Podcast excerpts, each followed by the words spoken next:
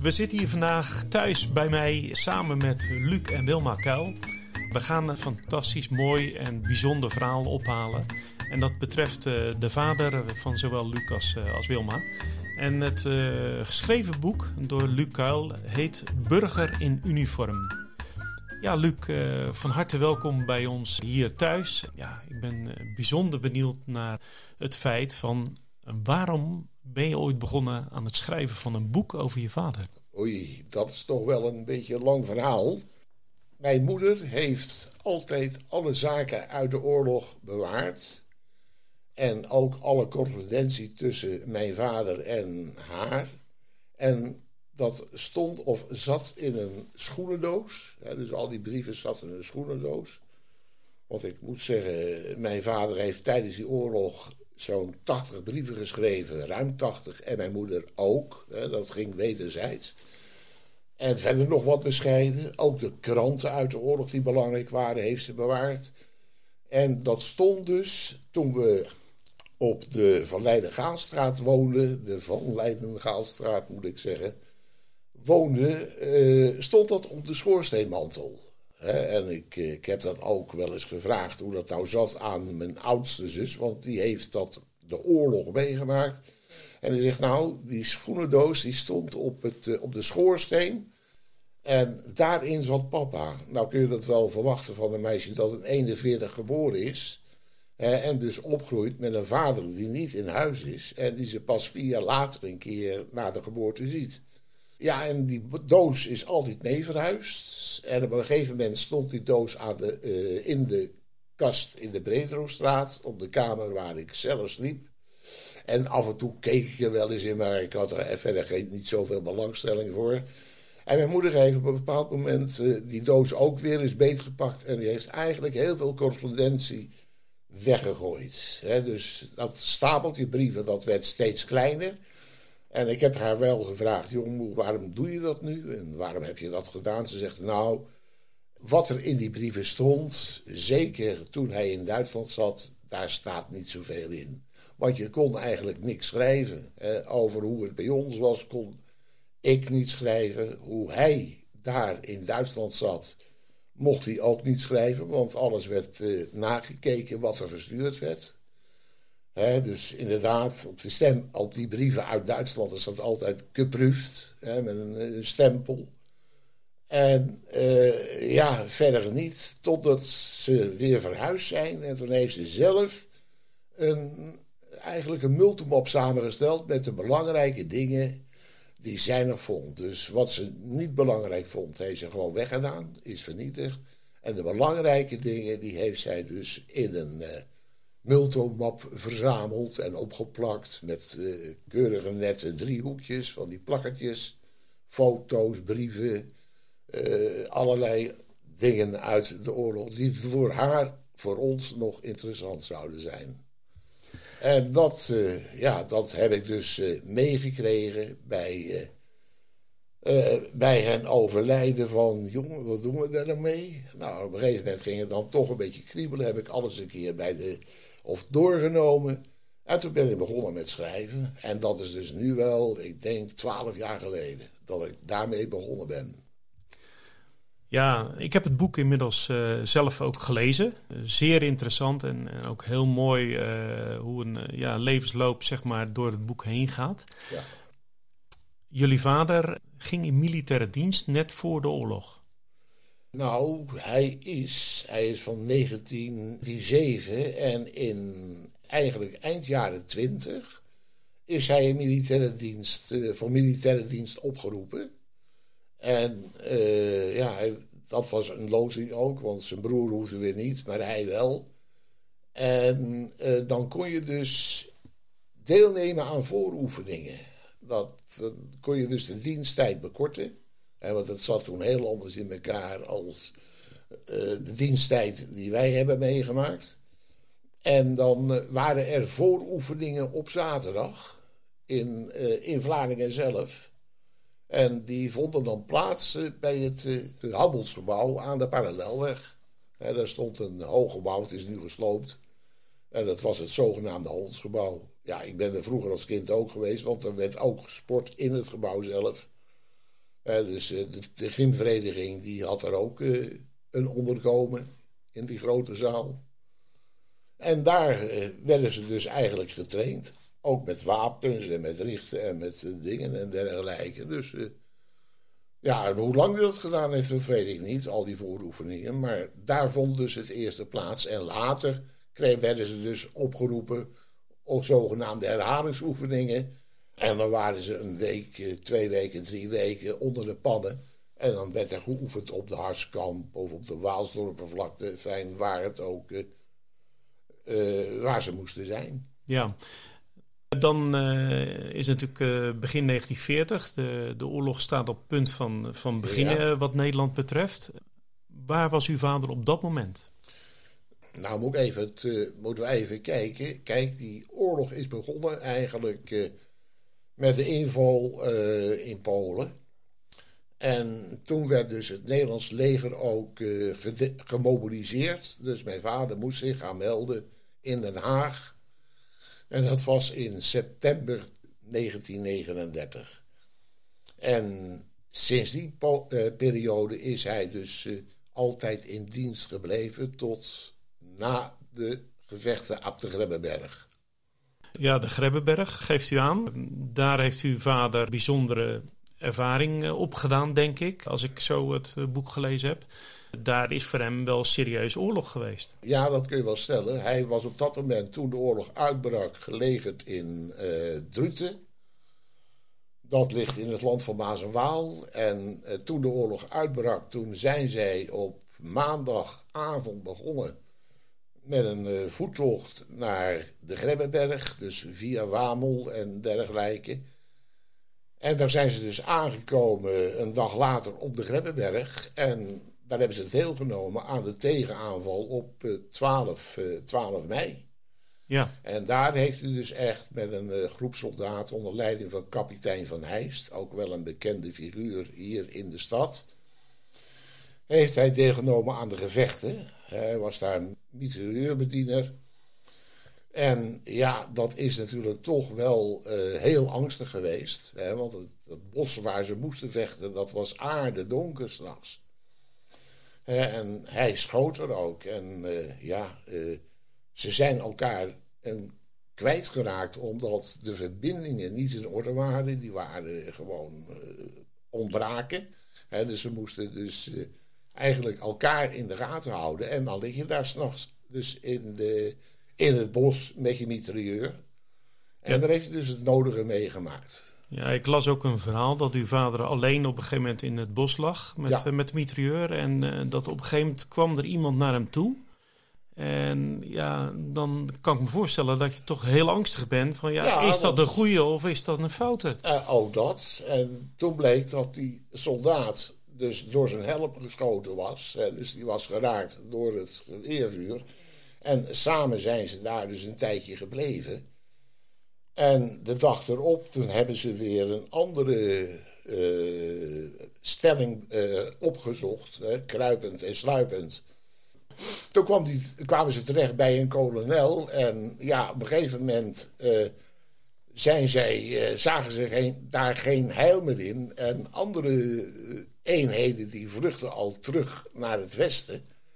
En toen zijn ze onder leiding van de kolonel terechtgekomen in een uh, kalksteen zandfabriek aan de benedenkant van de Grebbeberg. En daar zijn ze gebleven.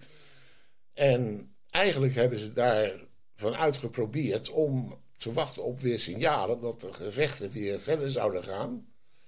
Maar eh, daar was niks. En die, eh, die kolonel heeft ook nog een aantal mensen weggestuurd om aan de overkant van de rivier eventueel te vragen hoe het daar was. En die moesten ook weer terugkomen, die zijn niet teruggekomen.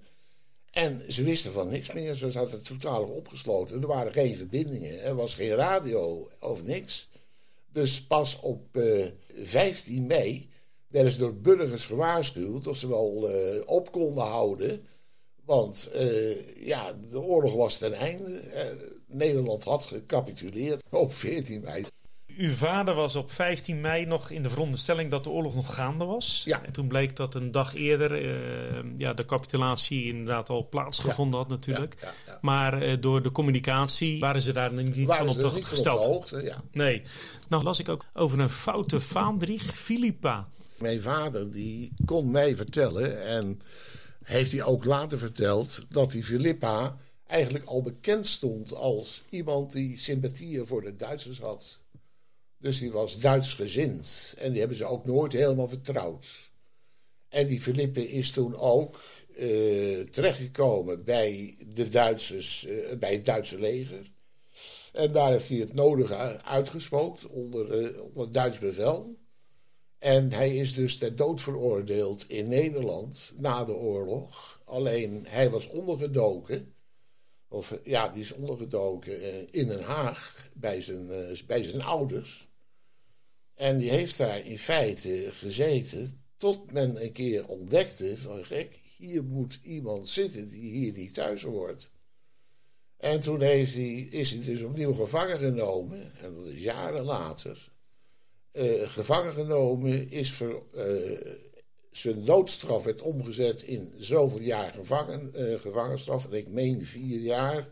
En toen is hij nog op zichzelf gaan wonen, maar eigenlijk heel eenzaam is hij gestorven. Ja, mijn vader die zei, zei op zijn manier, ach, het is een verdiende loon.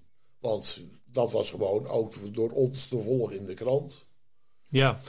Uh, dus ook in de geschriften die mijn vader ook had, bijvoorbeeld het boekje van zijn, uh, van zijn regiment, daar staat hij dus ook in vermeld, Vaandrig Filippa. Ja, uw vader en ook andere mensen om hem heen, zeg maar, zijn ook in aanmerking gekomen voor een oorlogsherinnering, kruis met de gesp. Ja. Ja, iedereen die in de Tweede Wereldoorlog meegedaan heeft en daar dus inderdaad actief betrokken was geweest bij gevechten, heeft het uh, oorlogsherinneringskruis gekregen. Dat hij had na de oorlog heel veel voeten in de aarde. Want uh, ja, je moest wel echt meegedaan hebben aan de gevechten. En mijn vader heeft toen heel laat, eh, ik meen pas in 1948, is er erkend dat hij recht had op het oorlogsherinneringskruis. En dat is pas in 1950 uitgereikt. Op 30 april 1950. En dan staat er met de gesp. En de gesp, daar staat op Grebbeberg. Iedereen die dus diverse uh, gevechten had meegemaakt. Hè, dus op de Grebbeberg en nog andere plekken. Die kreeg dus ook uh, gesp erbij waarop de plaats stond waar ze deelgenomen hadden aan de gevechten. Dus er zijn ook soldaten met een oorlogsherinneringskruis, waar vier gespen bij zijn, of drie. Dus die hebben op drie, aan drie gevechten dus werk, daadwerkelijk meegenomen. Ja. Uw vader bleef militair dienstplichtig tot, uh, als ik het goed heb, uh, 10 juni. Ja. Bleef hij in dienst. En Ja. uh, hoe kwam hij thuis? Hoe ging dat? 15 mei zijn ze dus tot de ontdekking gekomen: hé, hey, er is een wapenstilstand, dus de oorlog is voorbij. Toen zijn ze daar in het kapotgeschoten Reen, hebben ze een huis uh, gevonden. En daar hebben ze de nacht doorgebracht en geslapen als een os, want ze hadden natuurlijk vijf dagen nauwelijks een oog dicht gedaan. Vandaar, vandaar dat zijn ze op 16 mei liftend naar Vlaardingen gekomen. En dat kon met bussen en met vrachtauto's. Want de omgeving van Renen en dergelijke, de bewoners van Renen, die waren geëvacueerd naar het westen in verband met de oorlogshandelingen. En die werden weer met bussen teruggebracht. Dus de bussen gingen weer leeg van Renen richting Vlaardingen, of richting Rotterdam.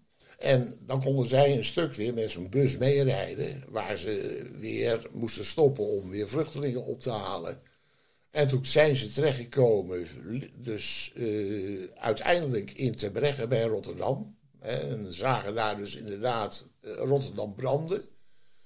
Hebben ze zich netjes opgeknapt bij een burger uit Terbregge. En hij, mijn vader heeft er nog een brief bewaard van die, de burger schreef van hoe is het nou met je een paar dagen later. En vanuit de berichten zijn ze dus netjes naar Vlaardingen gegaan en meldde mijn vader zich bij, uh, bij zijn vrouw en kind. En daar is hij dus een paar dagen, heeft hij daar gelogeerd, dus weer in zijn eigen bed geslapen. Maar ja, wat moet je dan?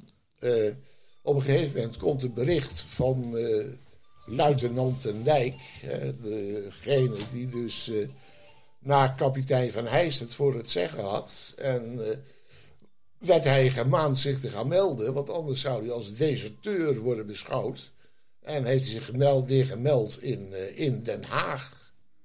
En van Den Haag uit zijn ze weer met de hele afdeling teruggegaan naar Puifelijk, waar ze dus eh, Puifelijk Druten, in dat gebied waar ze oorspronkelijk gelegerd waren. En daar heeft hij dus geholpen bij de afwikkeling van uh, ja, alle zaken die nodig waren om iedereen weer naar huis te sturen. En als laatste is mijn vader toen samen met zijn kapitein uh, vertrokken. Ja. Ja, heel bijzonder natuurlijk. Dan denk je van ik, uh, ik kom terug thuis en dan, uh, dan moet je toch weer uh, nog even, even terug richting het gebied waar je natuurlijk niet de mooiste herinnering bewaard hebt. De zoon Martin was inmiddels ja. geboren, jullie oudste broer. Ja. Ja, waar ik, waar ik echt van opkeek en dat was echt onbekend, voor mij in ieder geval. 4 juni 1943 gebeurt er ineens weer iets. En waarvan ik dacht van, hé, wat is dit voor vrouw? Ja, op 1 juni 43 uh, werd, uh, werd iedereen gemaand, althans een paar dagen eerder, maar dat ging al lang in de lucht, dat de oude militairen zich weer uh, in krijgsgevangenschap moesten begeven. En mijn vader, die behoorde daar ook bij. En ja, er zijn er niet zoveel soldaten hebben daar hoor gegeven. Het is ook eigenlijk niet helemaal gelukt zoals de Duitsers zouden willen. Maar mijn vader heeft zich toen wel gemeld. Want die werkte bij, uh, bij de, of, uh, bij de aan de Oosterstraat als conciërge. Ja, en die was dus uh, een van de eerste die opgeroepen werden. Dus over onderduiken werd dan niet zo nagedacht. Hè, bovendien, als hij zich niet zou melden, ja, dan moest hij onderduiken. En hoe komen we dan aan een inkomen? Dat was in die tijd nog niet geregeld. Hè. Pas veel later is dat goed op gang gekomen met extra bonnen en onderduikadressen. Ja, mijn vrouw die stond daar, wat moet ik nou doen? Dus hij heeft zich gemeld. Ja, en is toen 4 juni in feite terechtgekomen in kamp Amersfoort. En van daaruit gelijk naar Duitsland uh, gestuurd met uh, nog een groot aantal jagers en die zijn daar uh, terecht, uh, terechtgekomen eerst in Mulberg. Dat was gewoon een, ja, een verzamelplek waar niks gebeurde. Het enige wat ze daar moesten, dat beschrijft mijn vader dan ook, uh, paraderen op zondag voor, voor de generaal te zaak, aanhalingstekens. Ja, dat was dan een Jean-Major en het was het hoogst in rang. Van daaruit, van Mulberg, zijn ze terechtgekomen in Alte Grabau daar zijn ze dus echt uh, genomen. Dan werden ze kaal geschoren en uh, ontluist en dergelijke. En van daaruit is hij terechtgekomen in Kolditz. Ja, Kolditz uh, doet ook nog denken aan een vroegere televisieserie, Kolditz. Ja, dat ging over Engelse krijgsgevangenen volgens mij. Uh, heeft uw vader echt in, in, in, in, in dat gevangen gezeten? Of, of nee, moest hij echt werken in Colditz, nee. de plaats Colditz? Hij heeft uiteraard het kasteel elke dag gezien. Want op de plek waar hij was, het Schutzenhaus, dat is een kwartier lopen van het kasteel. En dat kun je, van, kun je niet missen als je daar loopt. Ik ben er zelf geweest. En in het Schutzenhaus ook. En daar werden ze dus gelegerd. En vanuit het Schutzenhaus hadden ze dus opdracht gekregen om te gaan werken in een stijngoedfabriek. En dat is ook zo gebeurd. Die stijngoedfabriek ligt, is, loopt daar een rivier. Hè, en die stijngoedfabriek die ligt aan de overkant, dus ze moesten daar dan een brug over, bruggetje over. Maar ja, dat was ook tien minuten lopen naar die steenkoekfabriek. En uiteindelijk eh, ja, zijn ze daar, is, of is mijn vader daar twee jaar uh, zo'n beetje gebleven. Ja, en weet u of uw vader daar op een manier, zoals volgens de regels van de krijgsgevangenschap, of die zo behandeld is? Of is nou, het... mijn vader die, uh, die vond wel dat uh, er ook goede Duitsers waren. En uit alles wat ik dus lees, ook in, het, uh, in zijn dagboek, daaruit kun je opmaken dat ze toch wel met, ja, met respect zou ik misschien niet zeggen, maar toch wel redelijk goed behandeld worden als je de verhalen van anderen hoort waar het veel minder was. En maar ze hadden dus zelfs een zekere mate van vrijheid. Dat klinkt misschien raar. Ja, maar op een gegeven moment uh, vertelde mijn vader, ja, uh, Jan van Zwieten, ze waren nogal rokers. Die kon dus gewoon het kampje, hè, want het was een Schutzenhaus, het was een uitspanning. Daar werd, voor de oorlog werd daar uh, gegeten, gefeest, gebiljart enzovoort. Met een enorme grote zaal. En dan hoorde ik, ja, maar die ging wel eens het kamp uit, want dan ging hij ergens sigaretten halen. Ja, dus blijkbaar was dat ook mogelijk. En ik heb zelfs van andere krijgsgevangenen gelezen dat ze bij burgers en burgerbedrijfjes uh, hun werkzaamheden moesten verrichten. En er was er zelfs één die ging helpen bij een drukkerij in het dorp. Nou, ik ben bij die drukkerij geweest. Ik heb de mensen die gevraagd van in, in weten de mensen maar heel weinig van wat er nog gebeurd is. Alleen de hele oudjes die weten dat nog. Maar al het jonge volk dat weet dat niet. En bovendien zijn het ex-Oost-Duitsers. Dus over de oorlog hebben ze ook maar heel weinig gehoord en weinig gelezen. Hè, want uh, ja, zij waren de goede. En ze, ze, werden geleid door de goede Russen. Maar hè, de rest zat in het westen. Dus het was wel een zoektocht. Maar die ging dus vanuit die drukkerij eventjes eten in de stationsrestauratie. En dan moest hij weer terugkomen. Wegkomen, weglopen, dat lukte nooit. Want daarvoor was het te, te ver weg. Dus je hoeft, haal het niet in je hoofd om er weg te komen. Maar ja, uh, als ik het zo bekijk, dan zeg ik nou Nee, het was niet al, al te slecht. Hè. Nee. Als ik ook even kijk met kerstmis. Mijn moeder die schrijft in december aan mijn vader hoe slecht het in Nederland gaat.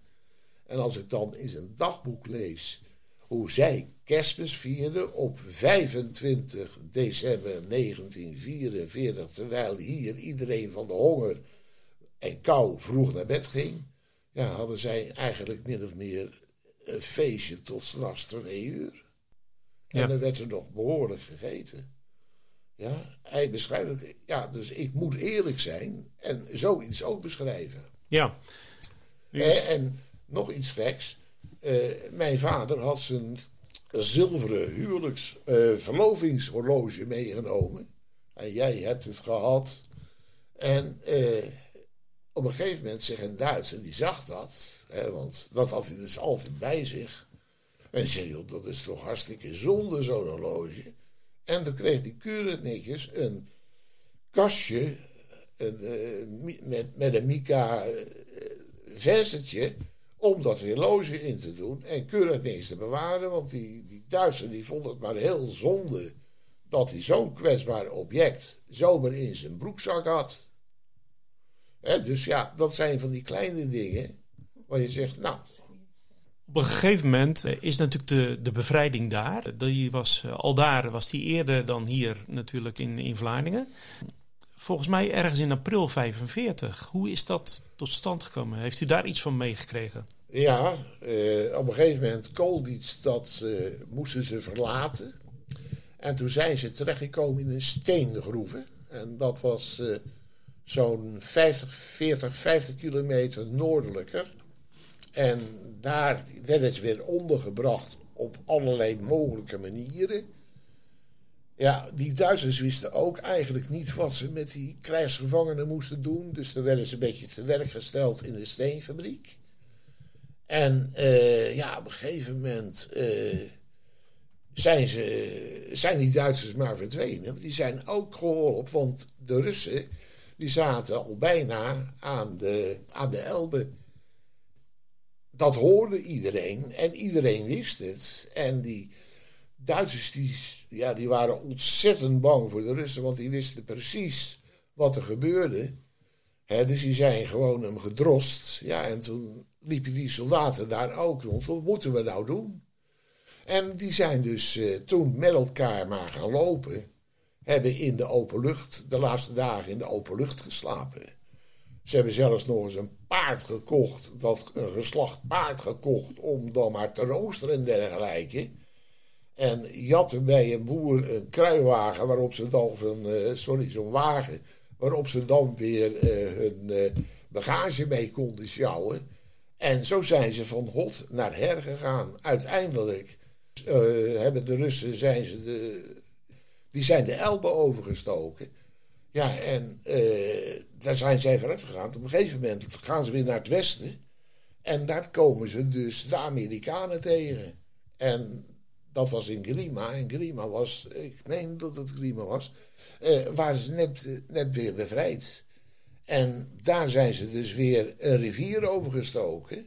Maar alle bruggen die waren gebombardeerd, dus er was niks heel. Dus je moest over de restanten van een brug aan de overkant zien te komen. En dat is hun ook gelukt. Ja, en toen zijn ze daar opgevangen door de Amerikanen. Uw vader heeft eh, dus duidelijk eh, de oorlog eh, op een bijzondere manier meegemaakt. En dan ineens in januari 44 wordt er iemand geboren. Ja, maar uiteraard werd er iemand geboren, maar daarvoor is nummer 2 geboren. En dat was in 1941 en dat was mijn zusje Kok.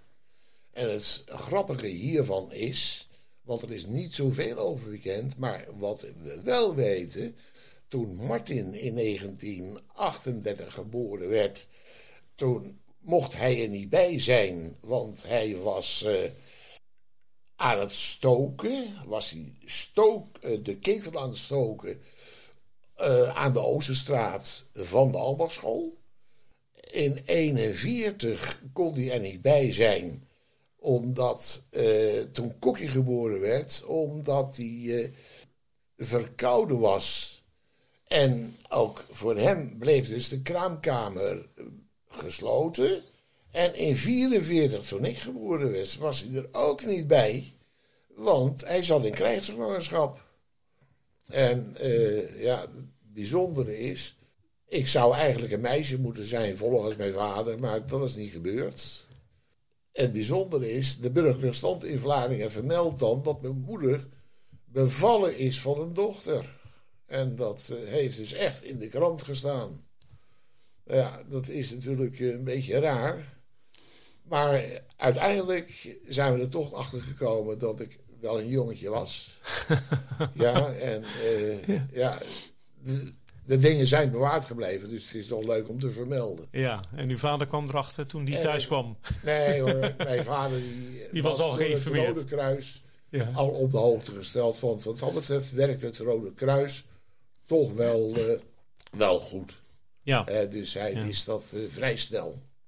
In 46 werd nog een zusje geboren. In 47 een broer. En in 49 nog een zusje, Wilma. Ja, nou is er in, uh, in het verhaal wat u nu verteld heeft, uh, hebben we iets nog niet benoemd. En dat is de enorme briefwisseling eigenlijk, correspondentiewisseling, laat ik het zo zeggen, tussen uw vader en uw moeder. En met name uw moeder, en dat is heel bijzonder, begreep ik. Ja. Dat, dat men daar heel erg geïnteresseerd in is. Dat dat gebeurd is vanuit Nederland. Dat iemand uh, naar Duitsland en, uh, en ook diensttijd zeg maar, naar uh, richting Arnhem de, of de Grebbeberg. Dat daar post naartoe verstuurd werd. Ja.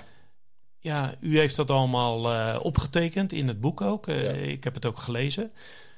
Ja, het lijkt me wel heel bijzonder dat een man en een vrouw op deze manier in zo'n tijd met elkaar corresponderen. Ja. ja, blijkbaar werkte de posterijen toch wel erg goed. Alleen, ik moet wel zeggen, uh, tussen het schrijven, hè, dus het versturen en het ontvangen, zaten soms zes tot acht weken. dus op een gegeven moment ontvangen ze een brief en zeggen: Oh, nou, die is zes weken geleden geschreven. En een paar dagen later komt een brief binnen. Oh, die is uh, acht weken geleden geschreven. Vandaar dat ze ook keurig netjes alle brieven nummerden. Zo, dat hadden ze blijkbaar toch goed afgesproken, zodat ze precies wisten welke brieven nu in volgorde geschreven waren. En zodat ze het van elkaar wisten van, oh, dat is oud nieuws en dit is nieuwe nieuws. En eh, dat heeft mijn vader ook allemaal keurig netjes geadministreerd. Want mijn vader was een zeer nauwkeurig man met een schitterend handschrift. Dat is niet te verbeteren. Uw moeder schreef ook iets over wat er in heel, ja, heel uh, samenvattend over wat er in uh, Vlaardingen aan het begin van de oorlog zichtbaar was van die oorlog. Ja. Kunt u zich daar nog iets van nou, weten? Ja, wel. Ze heeft eigenlijk brieven geschreven aan mijn vader.